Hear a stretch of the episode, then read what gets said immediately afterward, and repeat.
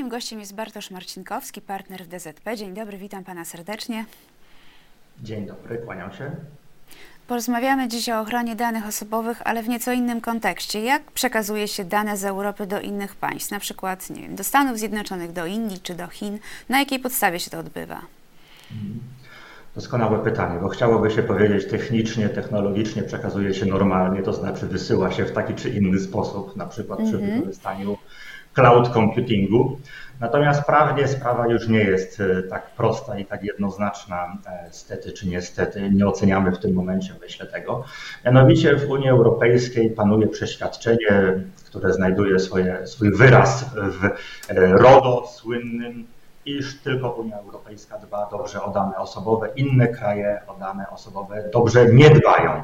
Wobec tego trzeba spełnić dodatkowe, szczególne warunki, aby dane osobowe moje, pani, państwa bezpiecznie można było na przykład do Stanów Zjednoczonych e, wytransferować. Czym mówię, te transfery to nie jest do końca wysłanie w paczce, tylko korzystając z rozwiązań chmurowych, tak naprawdę dane trafiają na przykład do danych osobowych.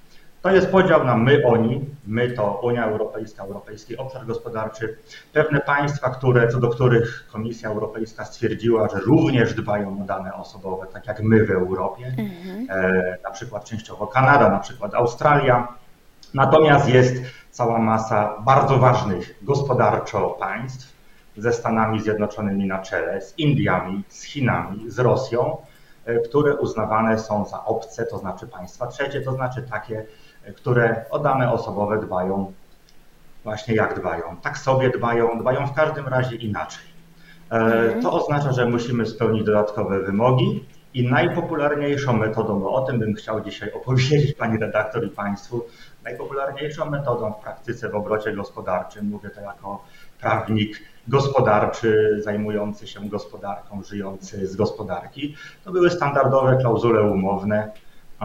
W praktyce jak się stosowało standardowe klauzule umowne, drukowało się ze strony Komisji Europejskiej, wpisywało pewne wymagane e, detale, e, podpisywało się, my podpisywaliśmy, podpisywał nasz partner gospodarczy w Stanach mhm. Zjednoczonych czy w Indiach i standardowe klauzule umowne uznawano tym aktem podpisania wymiany dokumentu, uznawano, że dane osobowe przekazywane na przykład do USA na podstawie standardowych klauzul umownych są całkowicie bezpieczne, korzystają z domniemania e, zabezpieczenia takiego, jak gdyby jakbyśmy wysyłali dane na drugą stronę ulicy w Warszawie, czy w Koszalinie, czy gdziekolwiek. No właśnie, tylko teraz mają być jakieś zmiany. Zmiany są i zmiany są dramatyczne. I tutaj nie chcę popadać w gawędziarstwo, ale chciałbym e, trochę kontekst pokazać mhm. ponieważ y, to, co opowiedziałem, naprawdę jest zgodne z prawdą. Ja to sprawdzałem z kolegami za granicą, sprawdzałem z kolegami z Unii Europejskiej, z prawnikami z Izraela, ze Stanów Zjednoczonych. Rzeczywiście my bardzo często, bezrefleksyjnie w obrocie gospodarczym podpisywaliśmy y, dotychczasowe standardowe klauzule umowne, dane FIU wychodziły na przykład do Stanów Zjednoczonych. I tutaj pojawia się nazwisko słynne w pewnych kręgach, w pewnych mniej słynne Maksymiliana Schremsa, który jest to austriacki prawnik młodego pokolenia, który wziął sobie na celownik tego typu podejście i uznał, że właściwie nie powinniśmy danych w ten sposób e, frywolnie do państw trzecich przekazywać, Maksymilian Schrems-Straf chce, wziął na celownik relacje między Unią Europejską a Stanami Zjednoczonymi. E, I tutaj co najmniej do dwóch wyroków Trybunału Sprawiedliwości Unii Europejskiej doprowadził. W 2015 roku i w 2020 roku. Nigdy przedmiotem tych wyroków Trybunału Sprawiedliwości nie były do końca e, standardowe klauzule umowne. Niemniej w wyroku z 2020 e, roku, 2020 roku Trybunał Sprawiedliwości stwierdził mniej więcej to, co Państwu na wstępie powiedziałem, to znaczy one są automatycznie stosowane, właściwie do końca nikt nie wie, co jest w środku w tych standardowych klauzulach umownych. Jest tam automatyzm, jest tam rutyna, brak świadomości prawnej, brak odpowiedzialności. Wobec tego Trybunał Sprawiedliwości stwierdził, aha, tak dalej być nie może, należy zawsze przeprowadzać Transfer Impact Assessment, czyli trzeba dokonywać oceny, jaki jest poziom dbałości o dane osobowe w państwie docelowym. Mhm. Na to nakładają się aktywności Komisji Europejskiej. Mianowicie Komisja niejako równolegle stwierdziła, OK, dotychczasowe standardowe klauzule mają już w tym momencie 10, 11, 12 lat. Trzeba zrobić przegląd. I rzeczywiście ten przegląd został dokonany.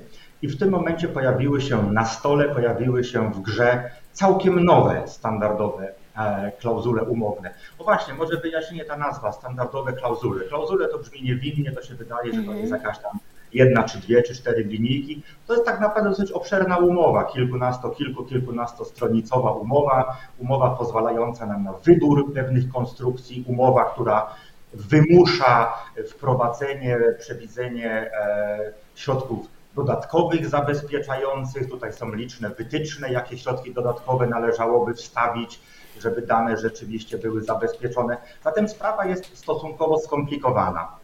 Czyli to, nie jest, czyli to nie jest takie proste, że mamy tutaj jako, jako, jakieś klauzule, które zastępujemy nowymi. E, jedna strona się podpisze, druga strona się podpisze, zajmie nam to wszystko 15 minut, no pół godziny maksymalnie, tak?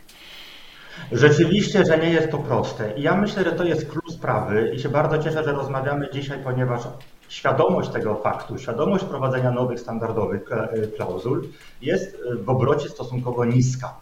E, a e, przepisy wprowadziły tutaj pewien, pewne terminy, mianowicie tym terminem, który nas goni obecnie, jest termin 27 grudnia 2022 roku, czyli bieżącego roku. Można sobie umownie powiedzieć, do końca bieżącego roku standardowe klauzule, które w przeszłości były stosowane według tej frywolnej, jak pozwalam sobie nazywać, metody e, drukowania i podpisywania, należy zastąpić nowymi rozwiązaniami.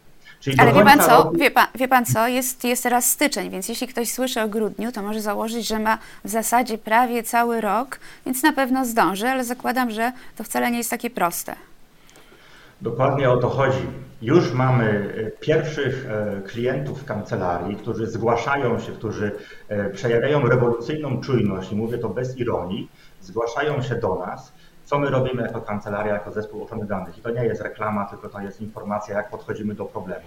Oczywiście najpierw z klientem sprawdzamy, jakie transfery, ile tych standardowych klauzul ma wdrożonych, ma podpisanych, czyli w pewnym sensie robimy audyt i opróżnia, opróżnia przedsiębiorstwo szuflady. Dochodzimy do zdumiewających wniosków, mianowicie okazuje się, że niektóre wielkie przedsiębiorstwa mają setki, a niekiedy nawet tysiące takich standardowych klauzul na przestrzeni tych lat, na przestrzeni tych mhm. dziesięciu lat popodpisywane. Zatem wyzwanie zastąpienia starego zestawu umów nowym zestawem umów, które nie są jednoznaczne, nie są proste. E, tam trzeba pozaznaczać właściwe miejsca, tam trzeba uzupełnić środki e, dodatkowe. E, okazuje się, że jest to całkiem solidne wyzwanie logistyczne, całkiem solidne wyzwanie, do którego realizacji trzeba zaprząc sztuczną inteligencję, machine learning. Trzeba poselekcjonować, jakie standardowe klauzule rzeczywiście my stosujemy, jakie szczegółowe zapisy w nich wprowadziliśmy, jakie będzie kontinuum. I proszę zobaczyć jeszcze jedno, jeżeli my mamy powiedzmy na stole 100 takich umów, które powinniśmy do końca roku prowadzić, co oznacza wysłanie 100 umów, załóżmy do 50 kontrahentów w Chinach, 20 kontrahentów w Indiach i 30 kontrahentów w Stanach Zjednoczonych. Bardzo często ci kontrahenci ochoczo mówią znakomicie, zatem negocjujemy, zatem renegocjujemy warunki handlowe, warunki komercyjne, operacji, które wykonujemy przy użyciu tych danych osobowych, które są do nas y, przesyłane celem przetwarzania. Także otwieramy rzeczywiście y, puszkę Pandory i w tym momencie stajemy przed dużym wyzwaniem negocjacyjnym. Nawet największe organizacje, mam na myśli przedsiębiorców, ale nawet największe mhm. organizacje, mam na kancelarie e, stoją przed dużym wyzwaniem, jak sprostać takiemu zadaniu. I się okazuje, gdy spojrzymy na skalę przedsięwzięcia, e, że te 11 miesięcy, które pozostało, to wcale nie jest dużo. A gdyby miał Pan powiedzieć, jakich firm dotyczą e, te zmiany? No bo zakładam, że to muszą być jakieś duże firmy, jakieś holdingi, na przykład, nie wiem, branża farmaceutyczna, tak zgaduję teraz. Kto, kto powinien się zastanowić nad tym, czy nie powinien jednak przejrzeć swoich umów? Zdecydowanie całkowicie z Panią się zgadzam. Są to holdingi, są to firmy, które mają działalność overseas tak naprawdę. Są to bardzo często przedsiębiorstwa, które są częścią firm amerykańskich, ponieważ wiadomo, że amerykańskie centrale z uwagi na swoje własne przepisy bardzo często musiały znaczne ilości danych z Europy e, zasysać do swoich systemów, a zatem rzeczywiście na pewno firmy, które są częścią e, dużych holdingów, zwłaszcza amerykańskich, e, na pewno firmy, które korzystają z cloud computing, czyli są to właściwie wszystkie firmy na rynku obecnie, ponieważ tutaj mówię o tych dominujących rozwiązaniach cloud computingowych oferowanych przez Microsoft, Google czy. Amazon. Natomiast niewątpliwie te wszystkie firmy, które są częścią wielkich struktur międzynarodowych, bardzo często też, na co zwracam uwagę, te firmy mają e, w, właśnie w Warszawie centrum decyzyjne na naszą część Europy, a zatem widzę też w praktyce, że to właśnie warszawskie biuro tego typu firm e, staje się znienacka odpowiedzialne za zastąpienie dotychczasowych standardowych umów nowymi standardowymi umowami w całym regionie. I stąd ten wolumen, stąd ta ilość, stąd mówię o setkach czy nawet tysiącach. Ja nie wymyślam tego tych, tych, tych tysięcy. Mamy w tym momencie e, na biurkach temat pod tytułem jak przeprowadzić tego typu ćwiczenie w odniesieniu do, w odniesieniu do kilku tysięcy e, umów. Tym umowom towarzyszą, jeszcze ostatnie słowo może w tym zakresie, e, te Transfer Impact Assessment, czyli zadanie polegające na ocenie rozwiązań państwa stosowanych w państwie trzecim. To jest niezwykle karkołomne mm -hmm. tak naprawdę ćwiczenie i myślę, że tutaj trzeba wzmożoną ostrożność i właściwie bardzo zawyżony standard E, zachować, ponieważ w przeciwnym razie stajemy przed zarzutem e, zaniedbania tak naprawdę. I to zaniedbanie może spaść na e, organy polskiej spółki jako podmiot, który wdraża ten proces i ten project management prowadzi. Mm, czyli jeśli, co się stanie, jeśli firmy nie wymienią tych umów do tego 27 grudnia? Doskonałe pytanie. Oczywiście można uznać, jeżeli nic się nie zmieni w systemie prawnym, E, takie zmiany być może są spodziewane, ale to jest wróżenie z fusów. Jeżeli nic się nie zmieni, oznacza to, że e, przekazywanie danych do państwa trzeciego e, odbywa się bez podstawy prawnej i tutaj są te bardzo, bardzo, bardzo dramatyczne sankcje, które RODO przewiduje.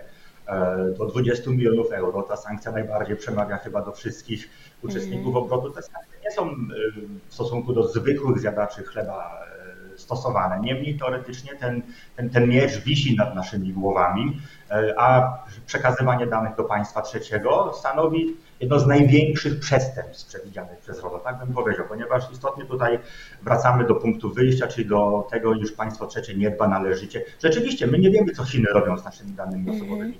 My nie wiemy, co Stany Zjednoczone robią z danymi osobowymi. E, a te wszystkie największe firmy e, komputerowe to są oczywiście firmy amerykańskie. Oczywiście, i to jest też może ostatnia tutaj wisienka na torcie, Amerykanie są oburzeni, bo oni uważają, że e, wzięliśmy sobie jako Europa e, z inspiracji Maksymiliana Schremsa wzięliśmy sobie akurat Stany Zjednoczone na celownik.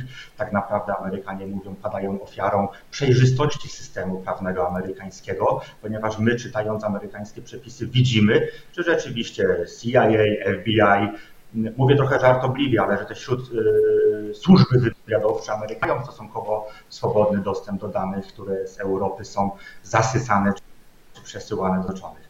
A zatem y, nie zamienimy... No, służ, służby, służby nie tylko w Stanach Zjednoczonych mają dostęp do przeróżnych informacji.